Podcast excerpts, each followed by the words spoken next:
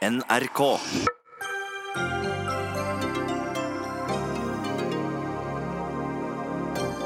En seks sekunder lang videosnutt av en dansende Trond Giske skaper mediestorm.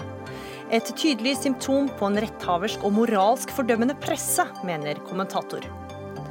Arbeiderpartiet vil gi tillitsvalgte innsyn i lønns- og arbeidsforholdene til alle som jobber i private selskaper som får jobb i det offentlige. Dette er et ansvar for eh, Arbeidstilsynet, svarer Høyre. Og hvem skal utfordre Donald Trump? Demokratene i USA har fire måneder på seg til å komme med et forslag.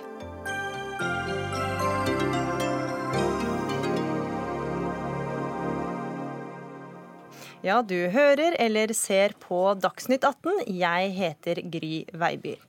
Og hvorfor skal begravelser kun skje i ukedagene og ikke helgene, spør Oslo Høyre. Mer om det snart. Mediedekninga etter Trond Giskes barbesøk forrige uke skaper debatt. En seks sekunder lang videosnutt av Giske dansende med en ung kvinne har, har forårsaka et skred av artikler og kommentarer. Og fredag ble det klart at han ikke får verven i Trøndelag Arbeiderparti, som han eh, ble innstilt til tidligere i uka. Og det er særlig VGs dekning som eh, får eh, hard kritikk. Og en av dem som kritiserer VG, det er deg, Skjalg Fjellheim. Du er politisk eh, redaktør i Nordlys. Og i en kommentar på Nordnorsk debatt skriver du at moralismen er den nye partipressen, og med VG er halsene foran. Hva er det spesielt VG har gjort galt, mener du? Ja, det denne saken viser, er jo at hvem som helst du kan spasere inn i VGs redaksjon skrike om varsling, sende en bekymringsmelding til Arbeiderpartiets ledelse og få tilgang på eh, VGs distribusjonsplattformer. Eh, altså 2,5 millioner lesere. Og Du behøver ikke engang vite hvem du varsler på vegne av, eller om det såkalte offeret mener at dette er en varslingssak. Men Hvordan mener du at VG burde håndtert denne saken, da? Altså VG, det er selvfølgelig legitimt at VG skriver om denne saken, men dette er jo ikke en metoo-sak, slik VG rammer den inn som. og Det er jo det som er hele problemet her. At VG setter tonen med denne saken med å, å etablere et narrativ, en fortelling om at dette er eh, at Det etterlatte inntrykket er at eh, en politiker har, eller Trond Giske i dette tilfellet, har vært påtrengende overfor en ung kvinne, noe som viser seg å ikke stemme i ettertid. I tillegg så følger VG opp ganske raskt med kommentarjournalistikk som forsterker inntrykket av at dette er en metoo-sak. Man spør til og med, man, man, antyder til og med at, at, vi, at uh, Giske eh, ikke har sluttet med den oppførselen som han tidligere har beklaget. Og Spørsmålet blir jo da, hva er det VG mener at han skal slutte med? Skal han slutte å smile til et mobilkamera? Skal han slutte å gå ut etter et gitt tidspunkt på kvelden? Eh, skal han slutte å hilse på folk? Osv. osv. Dette er dypt urovekkende og en journalistikk som er etter min oppfatning en alvorlig trussel mot, mot rettssikkerheten. Ja, Gard Steiro, du er sjefredaktør eh, i VG. Og til Medie24 i dag sier du jo at dere burde hatt mer informasjon allerede i første sak. Hvilken informasjon var det dere mangla? Jeg mente at når vi så NRK sin artikkel samme kveld, så syns jeg den artikkelen brakte ny informasjon i saken som jeg syns var helt relevant. Som jeg mener vi burde hatt med allerede i vår første artikkel. Og Hva er forklaringen på at dere ikke hadde det da i den første artikkelen Nei, det er, det er, flere omstendigheter som gjør at det ikke kom med. Dette var en helt tidlig fase av saken. Og, men når jeg så det som kom i NRK, så mente jeg det var helt åpenbart at vi skulle publisere det, noe vi også gjorde. Og jeg mener at Den informasjonen burde vi hatt med allerede i første artikkel. og jeg tror Det hadde, det hadde nok ikke endret at dette var en sak, men jeg mener at det er, hadde vært mye bedre om det kom fram allerede i første runde. Men Hva syns du om inntrykket dere etterlater dere i den første saken som Fjellheim går ut mot her? Nei, Jeg ser Fjellheim sin kritikk. Altså det, jeg har en litt annen innfallsvinkel til denne saken enn han. Jeg mener det at det denne saken dreier seg om, det er at Trond Giske står i en eh, helt kritisk fase der han ber om Arbeiderpartiet sin tillit. Så dukker denne videoen opp av en hendelse tatt midt på natten i en bar i Oslo, eller for å være presis eh, rundt klokken to i en bar i Oslo.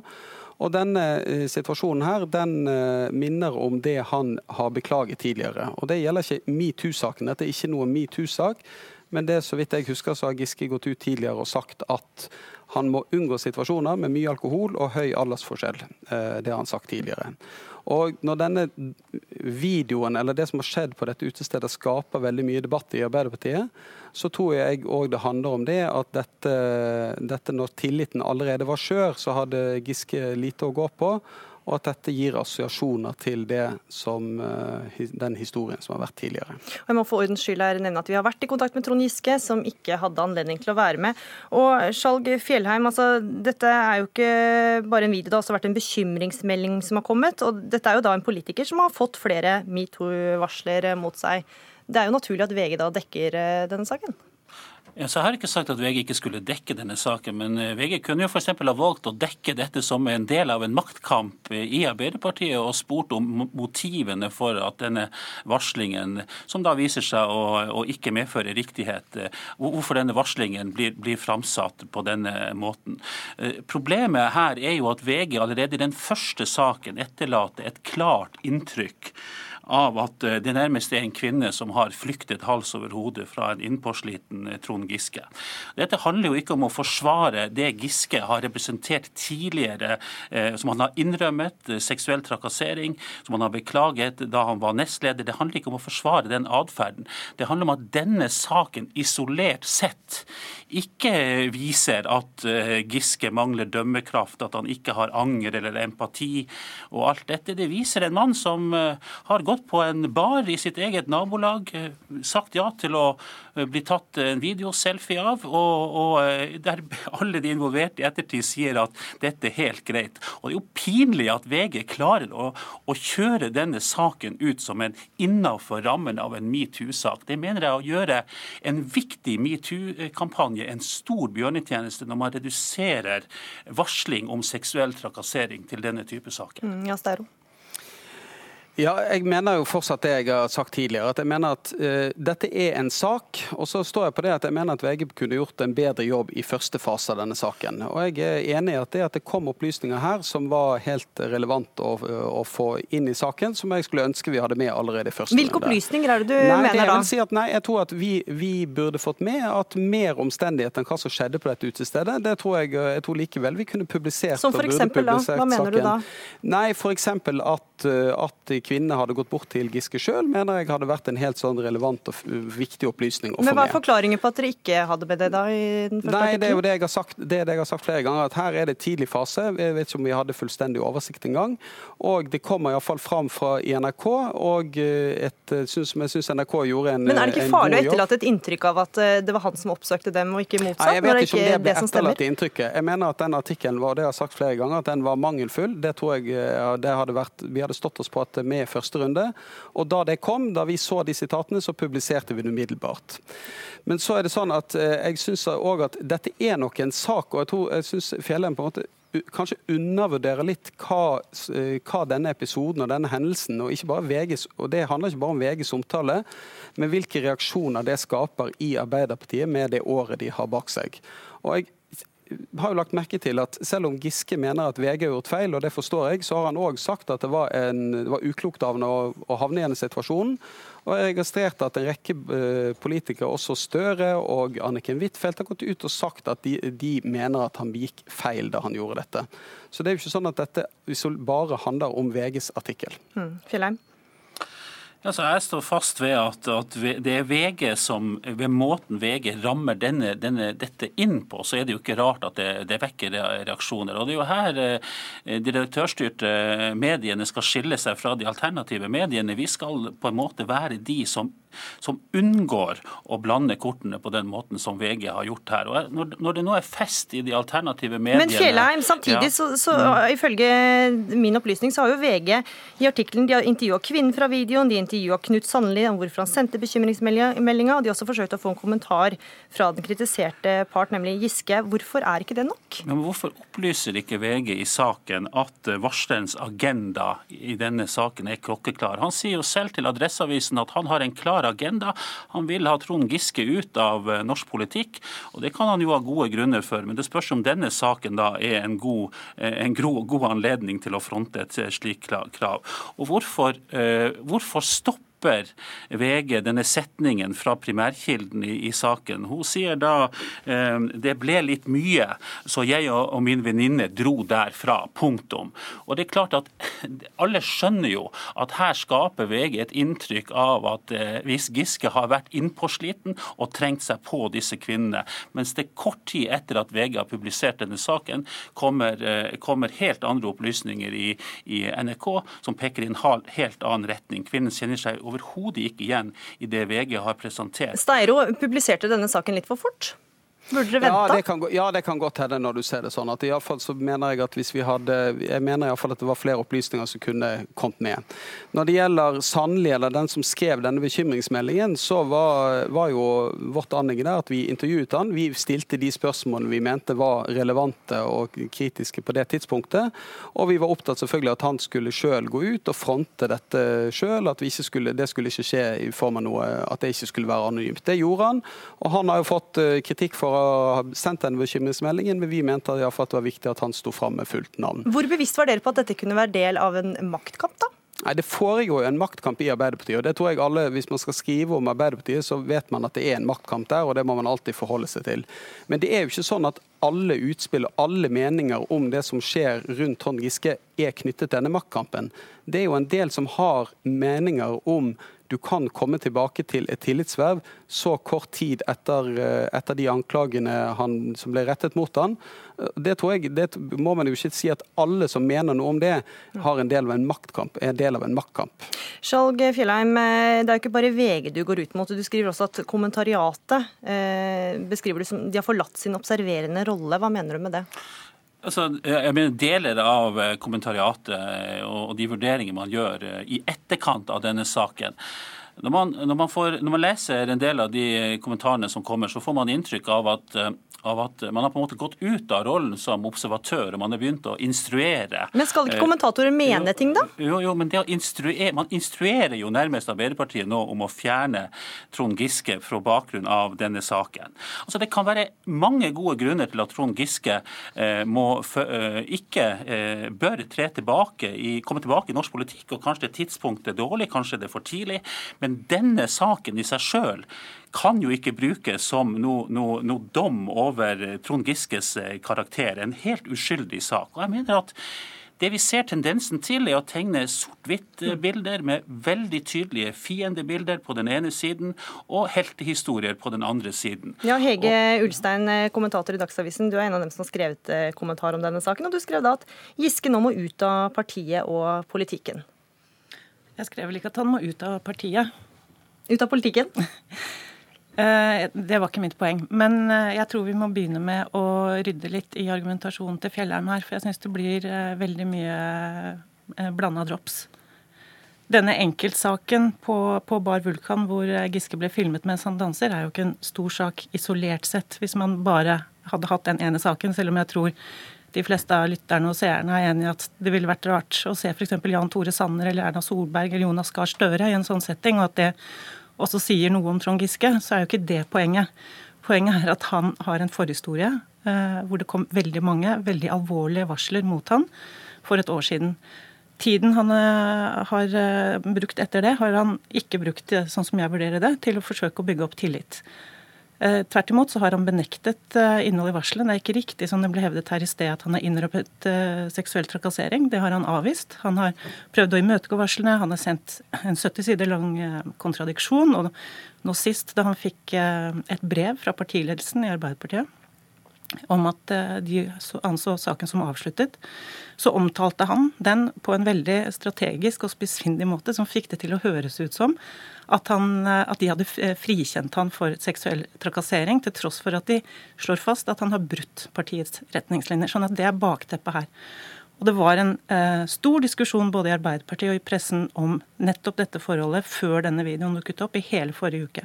Det var veldig kontroversielt at han stilte som nestlederkandidat i Trøndelag Arbeiderparti et, eh, et, opplegg som han måtte justere og trekke seg fra, og så prøve seg som, eh, som medlem i arbeidsutvalget. Og fortsatt så var det svært mange som reagerte, både i Arbeiderpartiet og utenfor.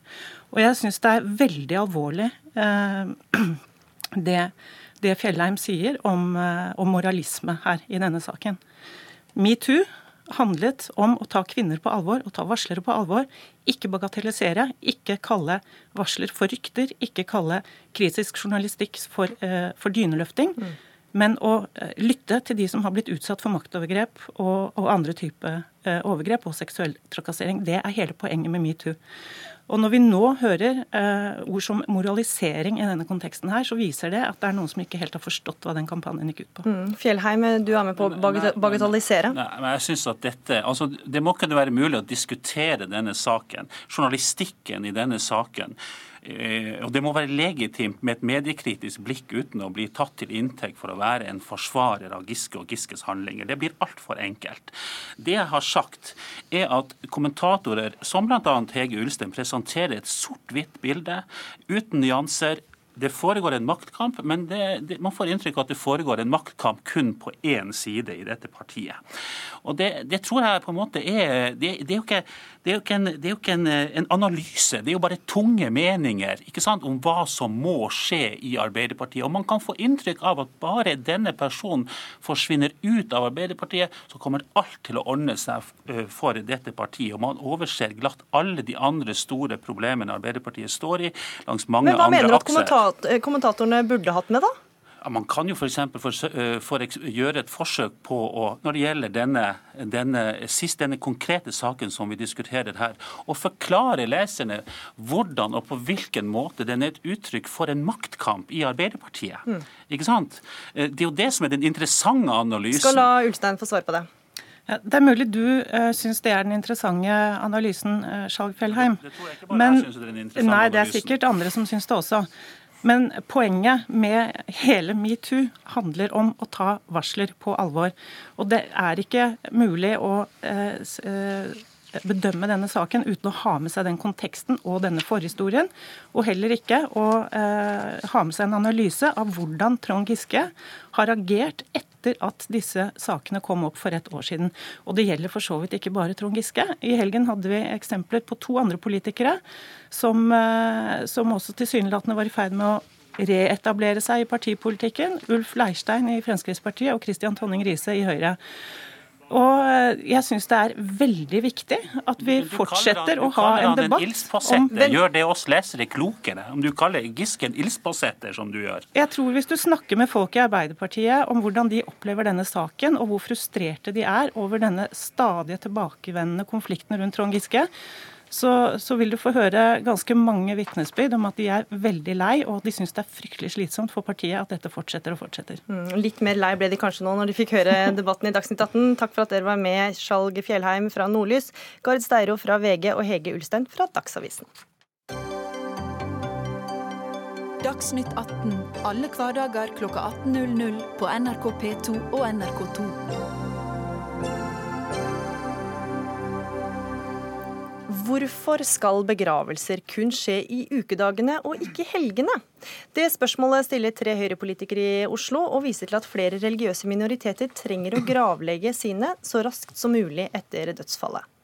Men i avisa Vårt Land sier dere at dette reiser en del praktiske spørsmål. Øystein Dale, du er avdelingsdirektør i KA, som er arbeidsgiverorganisasjon for kirkelige, kirkelige virksomheter.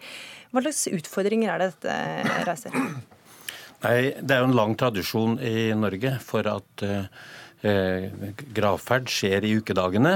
og Det handler jo bl.a. om at dette er et offentlig velferdstilbud som gjennomføres av eh, offentlig tilsatte, som, eh, der det er praksis på at man ikke arbeider i helgene hvis ikke det er et absolutt stort behov. Så konsekvensen av dette forslaget, da? Hva vil det vært? Det vil da medføre en betydelig omlegging av hele gravferdsvirksomheten, hvor man, vi tror at mange i og for seg kan tenke seg gravlegging eh, på lørdag eller søndag. Eh, det reiser da bl.a. en del personalpolitiske utfordringer, en del økonomiske utfordringer og en del praktiske utfordringer. Men vel å merke, vi er ikke avvisende til dette forslaget. Vi mener at et eh, utfordring fra bl.a. det muslimske miljøet, som kan ha et ønske om det her, det må vi ta på alvor. Men det er ikke bare sånn enkelt å si ja til en sånn utfordring, for det reiser mange utfordringer. Ja, dere, hvor mye har dere tatt det til dere, Eirik La Solberg, byrådslederkandidat Oslo Høyre og en av forslagsstillerne. Det vil jo føre til eh, betydelig helgebelastning for de som jobber med dette her? Jeg er helt sikker på at dette forslaget kommer til å ha noen praktiske utfordringer. Eh, men grunnen til at vi foreslår det, er jo at vi ønsker at nettopp som eh, KA var inne på her, at offentlige tjenester de burde tilpasse seg i størst mulig grad innbyggernes behov. Det burde ikke være sånn at innbyggerne i størst mulig grad må tilpasse seg de offentlige tjenestene. Så dette er jo eh, et, et forslag som tar inn over seg at Oslo er en veldig mangfoldig by. Mange mennesker med ulike tros, tro og livssyn. Mange mennesker med ulik bakgrunn samfunn. Og da bør også de offentlige tjenestene, de kommunale tjenestene i Oslo, gjenspeile det mangfoldet. Ja, For hvem er det det er snakk om som ønsker å gravlegges i helgene? Ja, Det er jo flere grupper. Eh, det er jo sånn at eh, Muslimer er jo opptatt av at, raskt skal kunne, eh, at de, sine kjære som har gått bort, raskt skal kunne gravlegges. Det, mange, det samme gjelder hinduer. Men det kan jo også være andre som av, ut fra familiesituasjon eller jobbsituasjon har behov for at man skal kunne gravlegge i helgene. Så det, Vi ønsker å åpne dette i prinsippet for alle. Men så tror vi det er noen som kommer til til å benytte seg av det tilbudet i større grad enn andre, fordi de har et religiøst behov eller et praktisk behov for det. Mm. Ja, Dale, Hvis det er eh, sterke religiøse behov da, som gjør at eh, den avdøde må raskt ned i jorda, hvorfor kan man ikke etterkomme det ønsket? Det har vært en ganske stor omlegging av gravferdssektoren i Norge, nettopp for å komme i møte eh, andre gravskikker, eh, andre måter at eh, gravlegging foregår på, i tråd med folks ulike religiøse bakgrunn. Men hvis det handler om å havne fort i jorda, hvordan har den omleggingen vært hvis dere ikke jobber helgene? Det har bl.a. handla om at tidligere så var det nesten ikke mulig å bli Du måtte vente tre, fire, fem dager.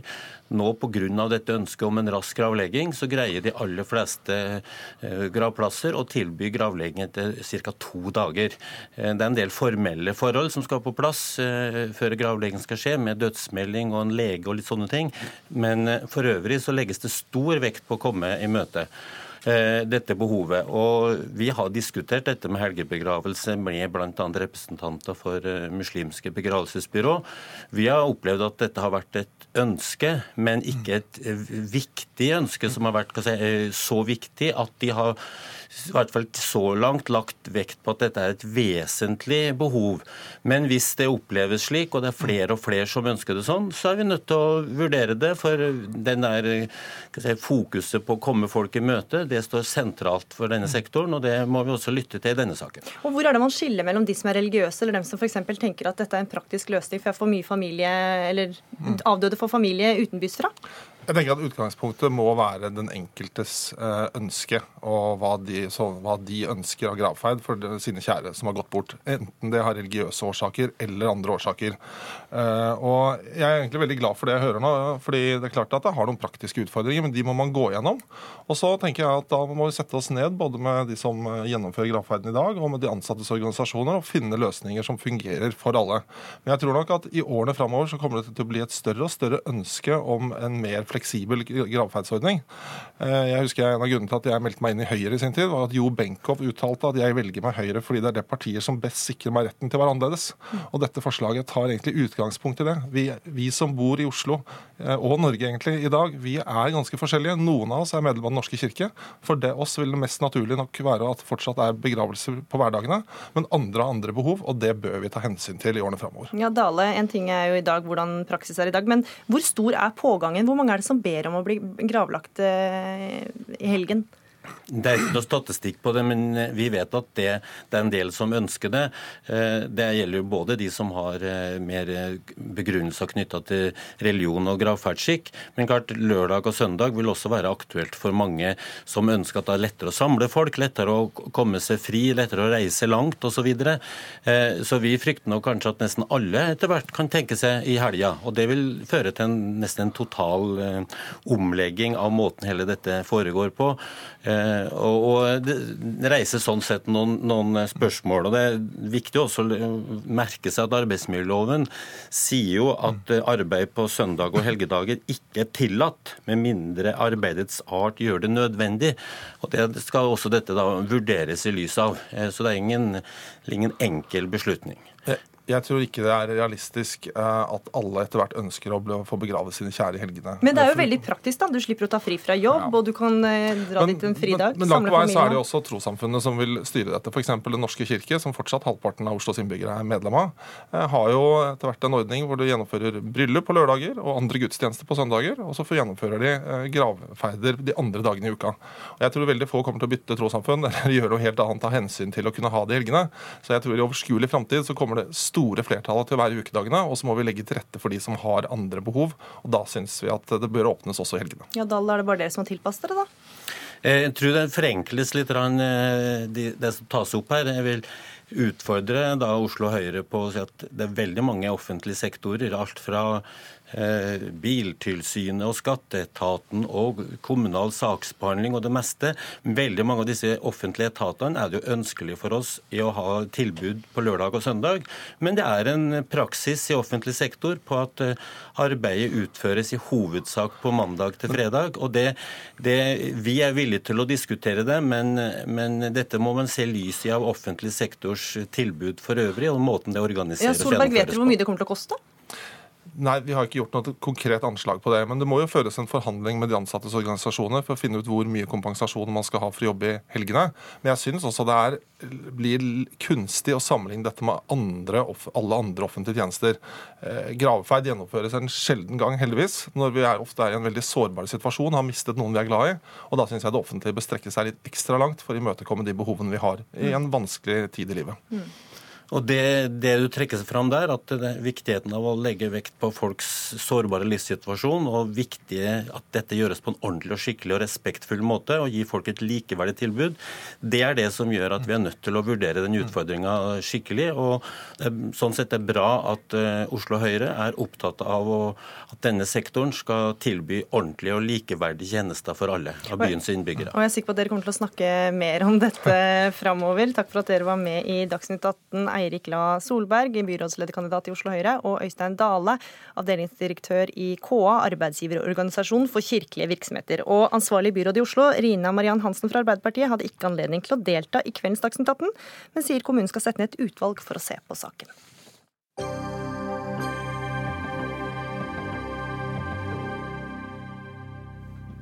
Én ting er viktigere enn det meste for demokratene i USA. Det er å få Donald Trump ut av Det hvite hus. Men hvem i partiet som skal klare det, ja, det er de ikke like samstemt om. For tre uker siden starta partiet prosessen som skal avgjøre hvem som får stille som partiets kandidat til presidentvalget i 2020. Og Det er fortsatt tidlig i nominasjonsprosessen, og flere aktører kan komme til å slenge seg på. Jan Arild Snoen, kommentator i tidsskriftet Minerva, du har skrevet artikler om noen av kandidatene, og der du trekker fram spesielt tre da, som du tror kan seile opp. Hvem er de? Ja, de, de tre som da allerede har erklært at de stiller opp, det er eh, Kamala Harris, det er eh, Amy Klobuchar, og så er det Bernie Sanders. Alle tre er senator, sittende senator. Sist er riktignok ikke medlem av partiet, men han eh, sitter nå med Demokratene. Og så er det to som ikke har eh, helt klart å bestemme seg ennå, som eh, jeg regner blant favorittene. Joe Biden, som kjenner av som visepresident, visepresidenten til Obama. Og så er det Beto O'Rourke, som er den nye stjerneskuddet fra Texas. Mm. Er det noen av disse kandidatene som du ser kommer til å klare seg bedre enn de andre? Ja, vi kan jo se på meningsmålingene, som er en, en indikator. Det finnes allerede en del meningsmålinger som setter disse opp mot Trump. Og da er det det som er systematisk, er at Joe Biden gjør det best. Han slår eh, Trump i alle målinger jeg har sett. Sanders gjør det bra i mange, men ikke riktig så godt. Og så er det de tre andre. Da er det mindre margin. Og noen, eh, noen av de kandidatene vi ikke har nevnt, ligger også bak Trump. Det, er, det er små marginer generelt her. Vårin Alme fra podkasten 2020, der dere følger eh, fram til presidentvalget, og også skribent i amerikanskpolitikk.no. Hvilke kandidater eh, tror du vi kommer til å se mer av framover? Altså jeg er enig med Jan Arild i at disse er noen av de eh, favorittene eh, som har erklært så langt, foruten da Joe Biden, som hvis han stiller, som vi alle tror vel, eh, kommer til å være en virkelig favoritt. Men jeg syns generelt at feltet så langt preges av litt sånn eh, lettvektere. eh, og at man, man snakker fremdeles om hvilken del av partiet er det de representerer. Det, det er veldig lett å sette dem i bås. Eh, mens det som gjerne utgjør en, en virkelig god presidentkandidat, det er jo den som klarer å seile over alle disse merkelappene og bli en litt sånn large larger than life-figur. Særlig i da en tid da både partiet, det demokratiske partiet, men også landet for øvrig er såpass splittet. Og så er det en kjensgjerning at eh, amerikanske velgere eh, pleier å gi eh, presidenter to fulle perioder. Gi dem sjansen til å faktisk eh, utføre den politikken de har gått til valg på. Eh, og Sist gang vi så en president som, som var unntaket, det var jo da Bill Clinton mot George Bush senior i 92, som klarte virkelig å være den den der større enn livet-kandidaten som, som, ikke er såpass lett å sette i bås, som klarer å bli en slags endringskandidat, eh, og som virkelig tar lufta ut av den som sitter. Ja, Hva skal til for å bli den kandidaten? Det er jo det store spørsmålet. Eh, det spørs eh, hva slags politiske saker er det som kommer til å bli de største. I 2018 i mellomvalget nå så, så vi at replikanerne kjørte hardt på innvandringspolitikk, mens f.eks. demokratene kjørte på helseforsikring. Det kan godt være at det blir de store sakene som kommer nå. Det kan være at andre ting, som f.eks. disse disse identitetsmarkørene til de forskjellige kandidatene har veldig mye å si. Hvor de kommer fra, hva slags klasse de har, om de tilhører en etnisk minoritet, hva slags kjønn de har, hvor gamle de er. Altså Disse tingene kan ha stor betydning, ehm, men, men, det gjenstår å se hva dette valget kommer til å stå om. Og så er det viktig å huske på at feltet er ikke ferdig ennå. Det er mange som kommer til å kaste seg inn. Mm. Jeg tror valget først og fremst kommer til å bli en folkeavstemning for og mot Trump. Altså at det i større grad enn vanlig vil være en personfokusering. Eh, det var det også i 2016. Det var altså to kandidater som ikke var spesielt populære. Så det var den som var eh, mest imot, eller den de var minst imot, som de stemte på, ganske mange av velgerne. Og det kan det bli nå også. Så er, jeg tror det er viktig om eh, demokratene velger en, nominerer en kandidat som som kan virke mer samlende og ikke gå for langt ut på fløyen. Men det er en diskusjon, da, for de vil gjerne også ha en som er en, en true believer. En som, som, er en som mobiliserer grasrota. Og Her er det spørsmålet om, om Biden f.eks., som er 76, eh, kan gjøre det. Han er altså ansett som mer mot sentrum. Ikke så mye som Amy Klobuchar, men mer mot sentrum. Mens f.eks. En, en som Bernie Sanders ligger langt ut på fløyen. Og kan nok mobilisere liksom, aktivistene, men han kan også skremme bort en del velgere. Veronica Westrin, USA-korrespondent eh, her i NRK. Hvor, hvor opptatt er den jevne velger av primærvalget så langt? Altså, det er ikke noe veldig mange går rundt og snakker om til daglig her i USA, men hvis du snakker med de politisk interesserte, så følger jo de nøye med nå på alle som eh, har begynt å melde seg på og kommer til å melde seg på. Så så vi da et enormt engasjement under mellomvalget. Det var jo 49% som gikk til stemmeurnene da, noe som var det høyeste siden tidlig 1900-tallet. Eh, og man klarte jo å mobilisere velgergrupper, kvinner. Eh, det ble rekordmange kvinner valgt inn i Kongressen, så det er jo blant de gruppene som det blir spennende å følge med på nå, og mobiliseres også i forkant av presidentvalget. Og det kan også bety mye for eh, demokratenes hvordan de gjør det? Ja, det, det, kan det jo selvfølgelig. Vi så jo, som jeg sa, rekordmange kvinner bli valgt eh, inn. Og det er jo derfor demokratene nå jobber med å finne den kandidaten eh, som vil være den beste for å mobilisere disse gruppene, og ikke minst stå opp mot Trump. Være en som kan svare på hans eh, Twitter-utbrudd. Og Washington Post hadde nylig en sak der de ranka kandidatene, og de hadde Camilla Harris eh, på topp. Og hun har jo så langt blitt utropt som den som har gjort en av de beste fremtredende når hun erklærte sitt kandidatur. Eh, men Bernie Sanders, eh, som nylig meldte seg på, klarte altså å få inn 6 millioner dollar i løpet av det første døgnet. Eh, fra over, rundt 200 000 personer. Til sammenligning så fikk Camilla Harris inn 1,5 million dollar. og Det er også noe som blir viktig framover, å se, følge med på hvor mye penger disse kandidatene klarer å samle inn for å kunne dra denne valgkampen i havn. Hmm. Ja, har folk tro på at det kan bli et presidentskifte?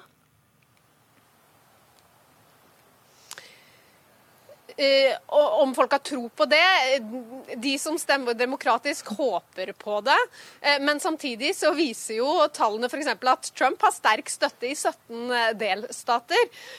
Og sterk støtte, og, og, og selv om popularitetstallene varierer, så er det jo også sånn at de som stemte på Trump, ikke bare gjorde det, sa de da jeg møtte de i mellomvalget, pga. han. De kan være uenig i mye av det han sier, men de de stemmer republikansk fordi de stemmer på verdiene til det republikanske partiet.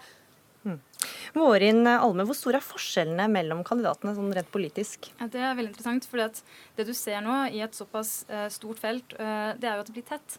Uh, og at det virker som det er en sånn grunntanke i Det demokratiske partiet. Ikke bare at nå gjelder det å stille, men at Trump er en man kan slå. Og dette er en sjanse til å faktisk bli den neste presidenten i USA.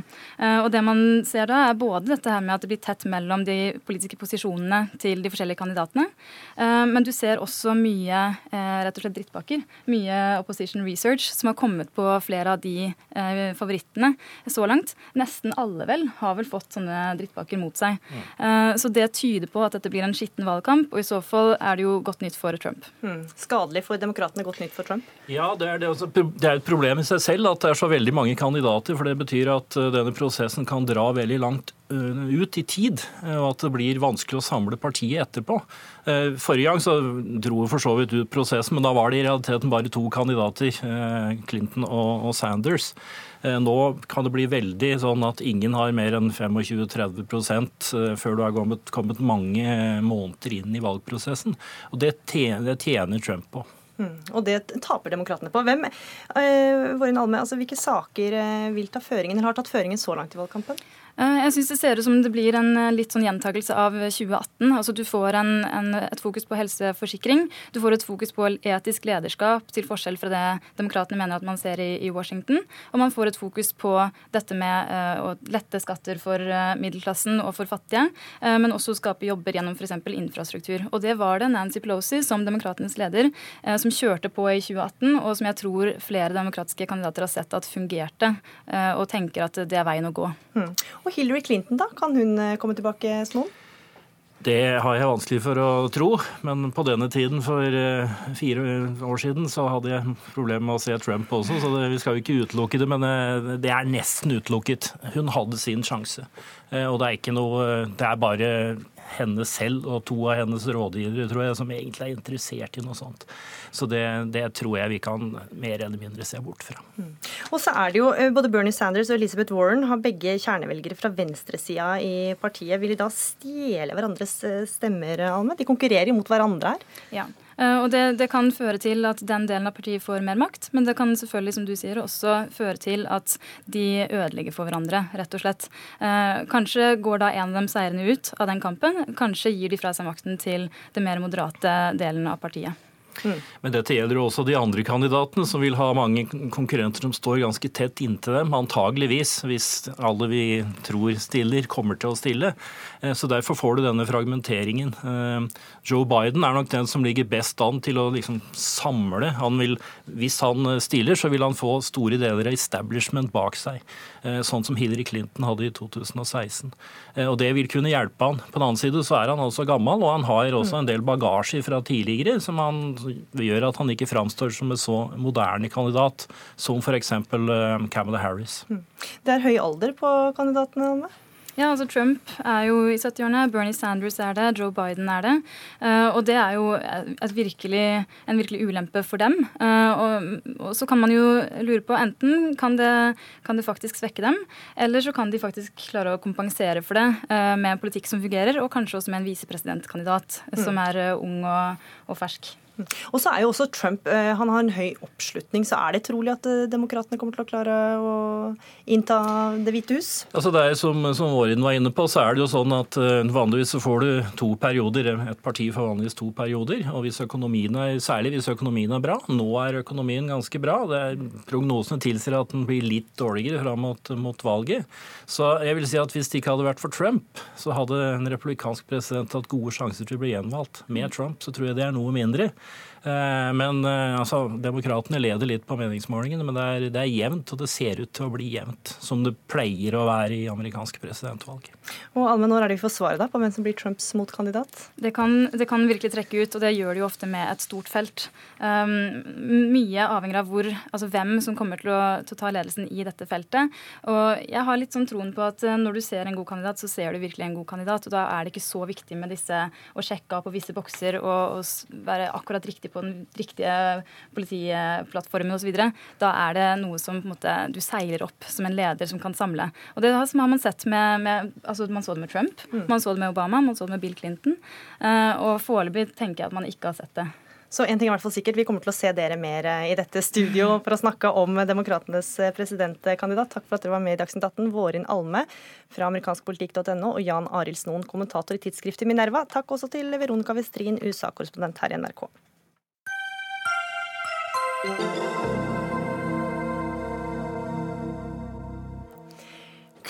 dagens kvinner for mye på morsrollen og hvor vanskelig den er? Ja, skal vi tro Ranveig Vormstrand, som i en kronikk her på NRK Ytring spør når det å være mor ble så fælt. Babybloggerne klager på babytilværelsen, karrierekvinnene vil ut i jobb så raskt som fy. Ranveig Vormstrand, du er pensjonert eh, lektor. Hva er det som gir deg inntrykk av at mange syns det er så fælt å bli mor? Ja, altså det jeg har sett i det siste, har jo vært disse blogginnleggene som, som har dukket opp oftere og oftere fra babybloggere. da, Og tydeligvis en, en ny type babybloggere. Som ikke er, ikke er, så rosa lenger, men som jeg har kalt spygrønn-bloggere. For det er, det er, temmelig sterke og emosjonelle uh, utfall fra mange av dem om hvor ille det er å være småbarnsmor, og ingen skjønner hva de går igjennom. og og da eh, eh, Ja, de, de, blir vekket om natten, og de har blødende brystvorter. og, og alt det der er jo fakta, det er det jo. Men, men det, er, det, har vært en, ser ut for meg som det har vært en bølge i det siste om det. Mm. Og det har jeg undret meg på. da, Er dette her bare skal vi si, enkelte individer som har veldig oppmerksomhetsbehov, eller er det uttrykk for en tendens i tiden? Ja, og Hva svarer på det, da? Nei, Det vet jeg ikke, men jeg så en leserkommentar som var litt interessant. Om at eh, bloggerne de smører gjerne tjukt på og dramatiserer for å lage sensasjon og få mange lesere. For de får penger av sponsorene sine for ettersom hvor mange lesere de har, hvor mange klikker de har, ikke klikkere de har. Men du går jo også ut mot karrierekvinnene, som du skriver at vil gå ut i jobb så raskt som fy. Og de, du kaller de eh, karriereberter på villspor. Nei, jeg har ikke kalt dem karriereberter på villspor. Det var en overskrift som NRK lagde. Men at det er karrierekvinner som vil ut i jobb, jobb, så raskt som fy? Går de også det, har, ut mot? Det er også, det er også NRKs formulering. Og jeg har eh, ikke uh, gått til angrep på dem på noen som helst måte. Det ville være meget urimelig av meg, av alle mennesker, siden jeg selv, tilbake på 70-tallet, de harde 70-åra, faktisk gikk ut i fullt arbeid som småbarnsmor da min lille sønn var tre måneder gammel. Da gikk jeg i full jobb, mens min mann var hjemme som, som hjemmepappa. Så det ville være meget urimelig av meg å, å, å anklage noen for å ville komme fort ut i arbeidslivet. Lene Westgård Halle, stortingsrepresentant. Du reagerte på dette innlegget på Facebook og kalte det det mest ufyselige du har lest. Hvorfor det? Nei, først og fremst så syns jeg det var et veldig nedlatende og usympatisk innlegg. Det, gikk, eh, det var et ganske aggressivt skrevet innlegg som omtalte kvinner og kvinners valg på en måte som var veldig negativt og veldig fordømmende. Og det å kritisere mødre fordi de syns det er tøft å være hjemme, det Altså, du må gjerne gjøre det, men jeg tenker at i alle år så har det på en måte ikke vært greit å snakke om. og Jeg syns mødre skal få lov til å snakke om det. Eh, nå leser ikke jeg så veldig mange mammablogger, jeg har akkurat blitt mamma selv, så det, det har jeg ikke tid til om dagen. men men jeg tenker da at eh, det må kvinner få lov, til, få lov til å gjøre. Og så synes jeg det er interessant at hun sier at hun ikke har kritisert karrierekvinner. fordi da tror jeg hun må lese sitt eget innlegg på nytt. For det står en lang passus om hvor forferdelig karrierekvinner er fordi de velger eh, jobb fremfor barna sine. Eh, det syns jeg ikke er greit. Og så syns jeg også det var særlig den delen som beskriver det med fordeling av foreldrepermisjon, og hvordan hun da mener at folk skal fordele, eller hvordan folk skal velge. Jeg syns ikke det er greit. Jeg syns foreldre skal få lov til å velge sånne ting selv, og jeg syns vi skal slippe å bli eh, fordømt da, for de valgene vi tar. Og det må jeg innrømme at jeg både som mamma, som da har begynt å jobbe tidlig, eh, eh, føler at eh, det opplever egentlig ganske mye. Altså Det er veldig mange som mener veldig mye om de valgene du tar som både mamma og pappa, men som foreldre. Både når det gjelder permisjon, jobb, eh, oppdragelse. Eh, og jeg er egentlig litt lei av folk som mener noe om alle andre foreldre. Ja, Vormstrand, kan du, kan du forstå at innlegget ditt kan oppleves som dømmende? Nei, eh, på hvilken måte har jeg fordømt noen for å ville gå tidlig ut i arbeidslivet? Det, som jeg har sagt, det ville være fullstendig urimelig av meg som jeg gjorde det selv. Mm. Men du sier jo bl.a. at uh, mødre klager for mye, ikke sant? Uh, men, Nei. Takk. Nei. Du sier jo babybloggerne klager på babytilværelsen. Ja. Men de har ikke sagt at de klaget for mye. Jeg slo fast at jeg har lest påfallende mye i det siste av veldig negative, temmelig svært negative babyblogger som maler ut i sterke farger. Og det kan være de gjør det for å dramatisere, for å, for å få lesere og få klikk. Det kan godt hende. Jeg har også stilt det spørsmålet. Jeg har prøvd å problematisere det. Og jeg har overhodet ikke kommet med angrep på noen. Og jeg har ikke sagt at noen syter og klager. Og jeg har definitivt ikke fordømt noen for å gå tidlig ut i arbeidslivet. Det ville jo være helt på trynet av meg. Men for å snakke litt om babybloggerne, da, skri, eller babymammabloggerne. Du skriver det blir vanskeligere å unngå dem og deres lidelseshistorier. De har fått barn, og det viser seg at unger de skriker jo, og de bæsjer og lukter vondt. Og til og med biter i brystvorter. Kan ikke, dette, kan ikke mange av disse innleggene også vært skrevet med humor? Eh, det kan hende, men de har ikke vært humoristiske, det jeg har lest. I hvert fall. I så fall mangler jeg humoristisk sans. Kan, jeg, jeg, har, jeg, jeg har ikke fordømt noen. Jeg har ikke sagt at det er galt at de skriver det, men jeg har spurt om dette er bare enkeltindivider som vil lage sensasjon, eller er det uttrykk for en tendens i tiden? Ja, Du får svare på det, Westgård. Ja, det, dette er, det er nesten litt sånn merkelig å sitte og høre på. for at eh, den kronikken, altså Jeg anbefaler de som sitter og hører på nå, å lese den kronikken. Den er ganske drøy. altså Begrep som liksom eh, spygrønt og, og det, er, det, er, veldig sterke angrep på mødre. Det er særlig angrep på de som fordeler permisjonen på det hun definerer som feil måte. Det er sterk angrep på, på sånne som meg, da, som har begynt å jobbe tidlig, hvor pappa er hjemme og har det meste av permisjonen. Og det er en, en veldig sterk, et sterkt angrep på hvordan man fordeler permisjonen diskusjonen.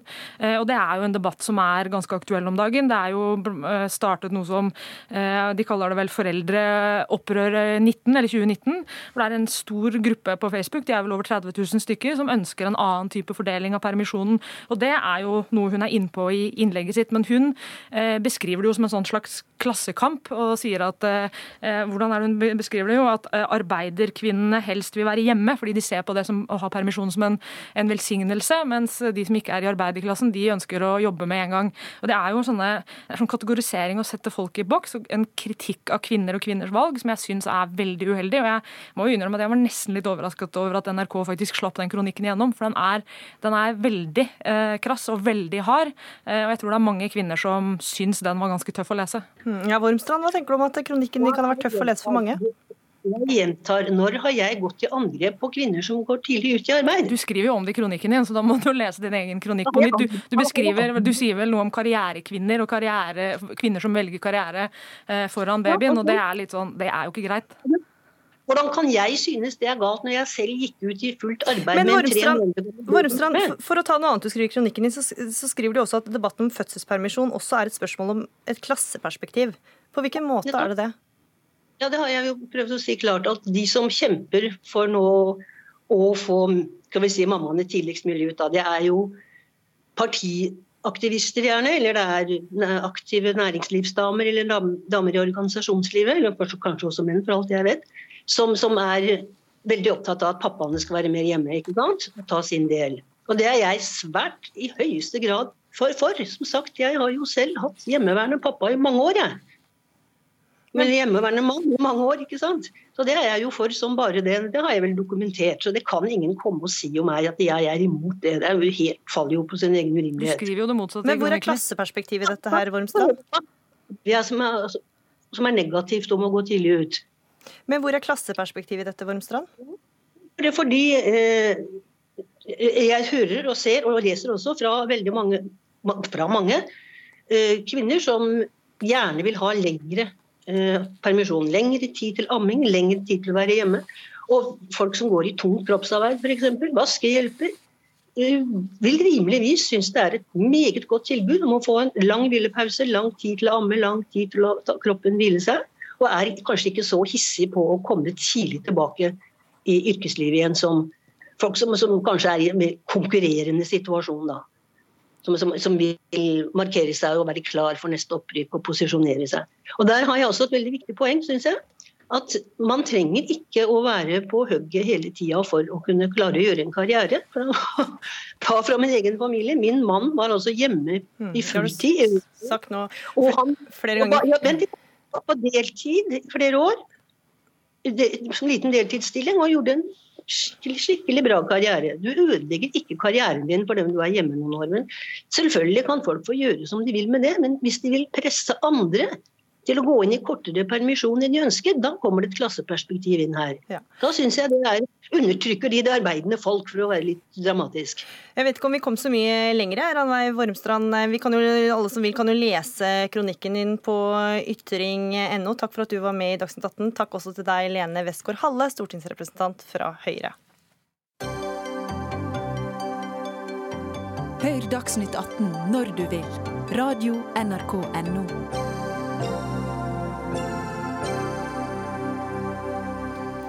Dersom staten eller en kommune kjøper en tjeneste fra en kommersiell aktør, skal de tillitsvalgte i kommunen kunne få innsyn i lønns- og arbeidsforhold hos den aktuelle aktøren. Ja, Slik lyder et stortingsforslag fra Arbeiderpartiet. Og Dette vil ifølge partiet gjøre at kommunene vil få bedre kontroll over kvaliteten på tjenestene og arbeidsvilkårene for de ansatte samt redusere faren for sosial dumping i f.eks. helse- og sosialtjenesten. Hadia Tajik, stortingsrepresentant for eh, Arbeiderpartiet. Dere vil skape kommunale vaktbikkjer, eh, sier du til eh, VG. Hva er det vi har Arbeidstilsynet for da? Altså, Arbeidstilsynet tar jo en viktig rolle i dette, her, det er det jo ingen tvil om. Fordi Tillitsvalgte i kommunene med forslaget vårt vil jo kunne få innsyn i lønns- og arbeidsvilkår. Det er viktig, fordi vi må jo ha kontroll over hvordan offentlige penger blir brukt. At arbeidsfolk har ordna forhold. Eh, og ikke minst på den måten òg sikre kvaliteten til tilbudet. Eh, og De tillitsvalgte vil jo ikke kunne sanksjonere feil som de måtte finne. Men det vi vet er at Arbeidstilsynet, selv om de gjør en god jobb på mange fronter, ikke strekker til. Altså de, så det er i tillegg til Arbeidstilsynet, da? Altså De vil eh, kunne ha vaktbikkjefunksjonen, og finner de feil, så må det nok meldes videre. Det kan være til Arbeidstilsynet under gitte omstendigheter. Hvis det er alvorlig nok, så må det nok kanskje òg til politiet. Det kommer helt an på omstendighetene. Eh, men, eh, men, det som er situasjonen for Arbeidstilsynet i dag, er at de har gjennom de siste åra blitt såpass underfinansiert at de nå forteller sjøl i sin egen årsrapport at eh, de har måttet redusere andelen tilsyn med nesten 25% De har òg de siste to åra redusert antall ansatte med 36 ansatte. Og Det betyr at eh, da har de mindre penger, de har mindre folk, men de har òg fått flere oppgaver. Det går jo selvfølgelig ikke i hop. Så vi er nødt til å sikre at eh, det offentlige tilbudet og de offentlige pengene blir sikra på best mulig måte. Heidi Nordby Lunde, stortingsrepresentant eh, for Høyre. Ja, for perioden 2015-2017 så kutta, har Arbeidstilsynet blitt kutta med 10,5 millioner kroner. Er det ikke da bare bra å få litt hjelp? Fra tillitsvalgte? Nei, Arbeidstilsynet har blitt tilført midler, men det har vært eh, i det vi kaller eh, ABE-kuttene, som er et lite eh, driftskutt. Men det har blitt tilført flere penger som følger med de oppgavene de har. Så de har ikke noe mindre ressurser? De skal ikke ha noe mindre ressurser til den jobben de har satt for å gjøre. Men når det gjelder dette med at man skal ha kommunale vaktbikkjer, så kan jeg jo glede Hadia Tajik med å si at det har vi allerede. Fordi at allerede under det borgerlige byrådet i Oslo så innførte vi i kontraktene til private leverandører av bl.a. helse og omsorg omsorgstjenester i Oslo at eh, leverandøren skulle måtte legge fram dokumentasjon på lønns- og arbeidsforhold, og at man også har innsynsrett til det blant tillitsvalgte i kommunen. I tillegg kan kommunen når som helst komme på uanmeldte besøk til leverandørene for å sjekke at kontraktene oppfylles, at de folka som de sier at skal være på jobb, er på jobb, og som også da kan ta penger fra den private leverandøren hvis ikke verken kvaliteten eller arbeidsforholdene er oppfylt. Så da er jo vaktbikkjene allerede på plass, da, Tajik? Men da burde det være enkelt for Nobel Lunde å støtte dette forslaget. Hvis det er sånn at dere mener at noe av det samme ble innført i Oslo pga. dere, da må man jo kunne innføre det nasjonalt. da, I absolutt alle kommuner, i absolutt alle sammenhenger der offentlige penger er involvert for å kjøpe private tjenester. Og i stor grad så er det da snakk om altså, velferdstjenester der man bruker offentlige penger, eh, altså der det er private aktører inne, og sikre det på en skikkelig måte. Kan jeg da regner jeg med din støtte på det? Det som er så spennende med Arbeiderpartiet den siste perioden, er jo at dere fremmer forslag på forslag i eh, Stortinget som allerede enten er under arbeid eller avsluttet av regjeringen, eller er ivaretatt på andre måter. Og så sitter dere her i Dagsnytt 18 og sier jo, men da er det jo så enkelt at dere bare kan stemme for vårt forslag. Jo, men dette her er kommunalt ansvar, og det er ikke opp til eh, fagforeningene å være den eh, funksjonen i kommunen. Den kommunen eh, den, men Hvem er det som har den funksjonen i kommunen, da? Ja, Det er jo kommunen selv, og de som sitter med kontraktsansvar Forsvaret som skal følge opp, eh, opp, dette. Men fagforeningen gjør derimot en fantastisk jobb og er vårt førstelinjeforsvar ute på arbeidsplassen med å melde inn forhold som ikke er ønskelige, bl.a. f.eks. til kommunen. Så kommunen kan komme ut på uanmeldte eh, besøk for å sjekke nettopp kontraktsforhold og kvalitet på tjenestene. Men de skal ikke være vaktbikkjer, da? For det trenger ikke de å være? Ja, jeg mener jo at det er kommunens ansvar, som inngår kontrakten med de private leverandørene. Og det er kommunens ansvar for å følge opp at den kontrakten blir fulgt, og selvfølgelig for at eh, skal skattebetalernes penger sørger også for anstendige og gode arbeidsvilkår og lønnsforhold ute på de arbeidsplassene. Men hvordan syns du egentlig at det går? Man har jo gjennom de siste årene sett at selv om kommunene har inngått disse kontraktene og har ansvaret for å både føre tilsyn og følge dem opp på en skikkelig måte, så har vi sett omfattende og alvorlige brudd på alminnelige spilleregler i norsk arbeidsliv. Med de konsekvensene det da kan få for det tilbudet som bestemor får, eller sårbare ungdommer får, avhengig av hva slags velferdstilbud det er snakk om. Vi har sett Aleris-saken som går for retten akkurat nå, der eh, det er folk som har jobba i Aleris, som sier at eh, de har utestående millioner av kroner i overtidsbetaling som de ikke har fått. Hvordan konkret ser du for deg at disse vaktbikkjene som du kaller det, ville gjort denne saken annerledes, da? Altså Man kan eh, med en sånn vaktbikkjefunksjon hos eh, tillitsvalgte kunne få innsyn i eh, timelister, vaktlister, avlønning, overtid oversikt over hvor lange dager folk faktisk jobber. Altså Det er den type ting som har betydning for hverdagen til arbeidsfolk, og dermed òg for forutsigbarheten for de som bruker velferdstilbudet. For det er klart, hvis det ikke er ordna arbeidsforhold, så har jo folk ofte ikke lyst til å jobbe der over lengre tid. Da blir det stor utskifting, og da blir kvaliteten på tilbudet heller ikke godt nok. Så jeg, altså jeg får bare registrere at Nordby Lunde syns at de ordningene man har i dag, er gode nok. Men vi ser gang på gang alvorlige brudd på norske spilleregler for det arbeidslivet vi vil ha. Og da må det jo bare være positivt at eh, fagorganiserte får eh, denne muligheten til å ha innsyn i lønns- og arbeidsvilkår. Som sagt så har kommunen ansvar for at de kontraktene de inngår blir fulgt opp både på lønns- eh, og arbeidsvilkår, men også på kvaliteten i tjenestene. Og de skal komme ut på uanmeldte besøk for å sørge for at kontrakten eh, Men hva om de ikke klarer å følge opp godt nok? Da er det ikke bare bra å få ekstra hjelp fra disse vaktbikkjene? Eh, jo, for all del. Og det, som jeg sier, altså Fagforeningene gjør jo en fantastisk jobb ute på arbeidsplassen og er der førstelinjeforsvaret til et ryddig arbeidsliv. Og varsler kan varsle inn til kommunen som har dette ansvaret. Jeg mener at det ikke er riktig at de tillitsvalgte i kommunen skal sitte på det ansvaret av flere grunner. Nettopp fordi at det er ressurskrevende, og vi må sørge for at den kontrollen skjer, uh, skjer ofte, og at vi klarer oss å holde kvaliteten på tjenesten oppe. I Oslo så har vi jo sett at uh, gjennom å få flere private velferdsleverandører, så har vi klart å øke kvaliteten på tjenestene. De aller fleste som er ansatt, sier at de er fornøyd og har gode betingelser. Og så har vi enkelteksempler, som Tajik viser til, mm. som vi ser i arbeidslivet generelt også.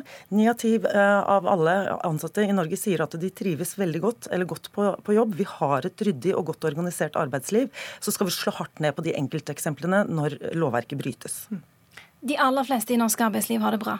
Men det er noen som blir utnytta. Og det fins useriøse aktører. Det trenger vi hardere lut for å bekjempe. Det er et vesentlig problem med resonnementet til Nordby Lunde. Hun er opptatt av fagorganisasjonene som førstelinjeforsvaret. Men i mange av de bransjene det her er snakk om, så er organisasjonsgraden låg. Altså de som da jobber i, eh, altså i det velferdstilbudet, i den omsorgstjenesten f.eks., er da gjerne ikke organisert. Og dermed så er det ikke en tillitsvalgt der som kan ta tak i saken og være vaktbikkje på stedet. Det er òg noe av grunnen til at det er behov for at noen andre tar den rollen. Mm. Ja, Lunde, hvem er det som skal varsle om det ikke er tillitsvalgte i den bransjen eller den, den jobben? Vel, nå bor min egen mormor på et privat sykehjem i, i Oslo. Alle sykehjemmene i Oslo har egne uh, instanser som kommer og sjekker opp til dem, i tillegg til at jeg som pårørende også har et ansvar for å sørge for at forholdene er Så det er ikke noe problem at det ikke er tillitsvalgte overalt? Eh, men alle, eh, altså, i Oslo så har faktisk alle de sosiale tjenestene, hvis jeg husker riktig, har tariffavtaler. Og har også avtaler med kommunen, hvor kommunen har totalansvaret for både kvaliteten i tjenestene og for ryddige lønns- og arbeidsvilkår. Dette sørget Høyre for sammen med KrF, Fremskrittspartiet og Venstre da vi satt i byråd sist. Noe er et arbeid som også fulgte opp Arbeiderpartiet i byrådet i Oslo. Så jeg foreslår at Tajik tar en telefon til Raymond Johansen og ser på de kontraktene der. For at dette ligger i kontraktene allerede. Mm. Og de tillitsvalgte i kommunen har innsyn i disse kontraktene. Men hør, du hører vel forskjellen på det du sier og det jeg etterlyser. For det er klart at det kan finnes enkeltordninger i enkeltkommuner som er vel og bra. Helt topp. Men det er behov for at vi nasjonalt har spilleregler for dette. Både for de kommunale, altså de, de velferdstilbudene som kjøpes inn kommunalt, eller det som måtte være av, av, statlige innkjøp med de konsekvensene som det kan få for folk. Altså det, det, er i det hele tatt vanskelig å begripe at det kan være et så intenst eh, engasjement mot at fagorganiserte, at tillitsvalgte, skal få muligheten til å ettergå hvordan penger blir brukt, sånn at vi unngår at eh, arbeidsfolk ender opp med lave lønninger og private eiere ender opp med ganske store kommersielle gjelder utbytter. Mm, da fikk du siste ord, Hadia Tajik. Denne Dagsnytt 18-sendingen er over. Takk for at du var med. Takk også til deg, Heidi Nordby Lunde. Teknisk ansvarlig var Erik Sandbråten. Det ansvarlige for sendinga var Jaran Ree Mikkelsen. Og her i studio var Gry Veiby.